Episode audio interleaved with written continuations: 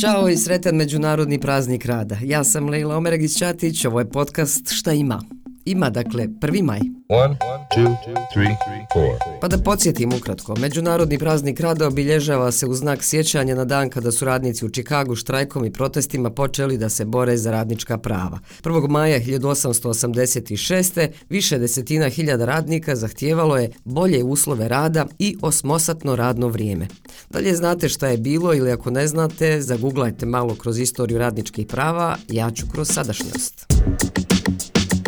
Radnička prava su danas poljuljana ili narušena na razne načine. Već godinama građani i sindikati širom Evrope, gdje je standard neuporedivo bolji nego u zemljama regije, izlaze na protestne šetnje obilježavajući 1. maj tako što posjećaju i pokušavaju prvomajsku priču vratiti na suštinu. Koliko su radnička prava ugrožena danas u Bosni i Hercegovini? Odgovor na ovo pitanje za prvomajski šta ima daje predsjednica Sindikata radnika trgovine i uslužnih djelatnosti BiH Mersiha Beširović. Mislim da mi generalno živimo u jednom vrlo obespravljenom društvu u kojem prava ima samo jedan mali broj privilegovanih i to onih koji su u samom vrhu vlasti na svim nivoima. Svi ostali žive u jednom zaista obespravljenom društvu u kojem, nažalost, e, ne samo njihova prava, nego njihovi interesi, njihove potrebe su potpuno zanemareni. Ono što po mom mišljenju je ključni problem i nekako lično moja najveća briga jeste što bojim se da smo se sve više navikli na to obespravljenost. Nekako smo se saživili sa tim da živimo u tom društvu u kojem su naša prava nebitna, ne potražujemo ih, ne borimo se za njih i nekako kao da smo od njih odustali.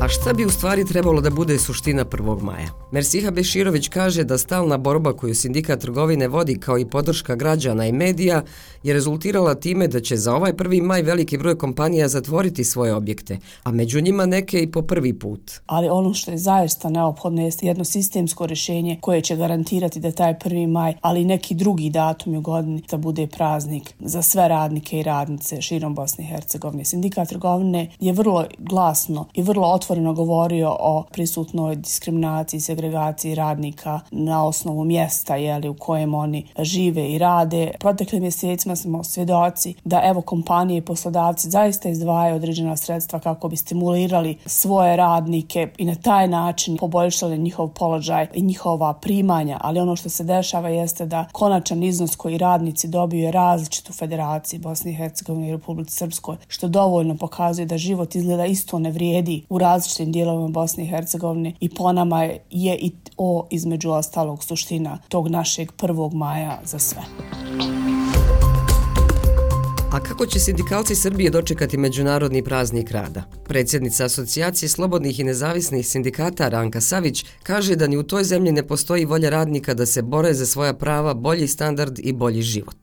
Ni ovog 1. maja nema nikakvog razloga za slavlje. Srbija je zemlja i radnici Srbije imaju izuzetno male plate, bez obzira na to šta nam poručuje predsjednik sa one njegove kineske table. Suočavamo se sa ogromnom inflacijom, velika je nesigurnost radnog mesta. One, two, three, A ako se pred kraj podcasta šta ima vratim još dalje kroz istoriju nego što sam ga počela, dođem do rimskog doba. Prvi maj se smatrao ključnim periodom za proslavu plodnosti i dolaska proljeća. Rimski festival Flore, boginje cvijeća i proljeća, održavao se od 28. aprila do 3. maja.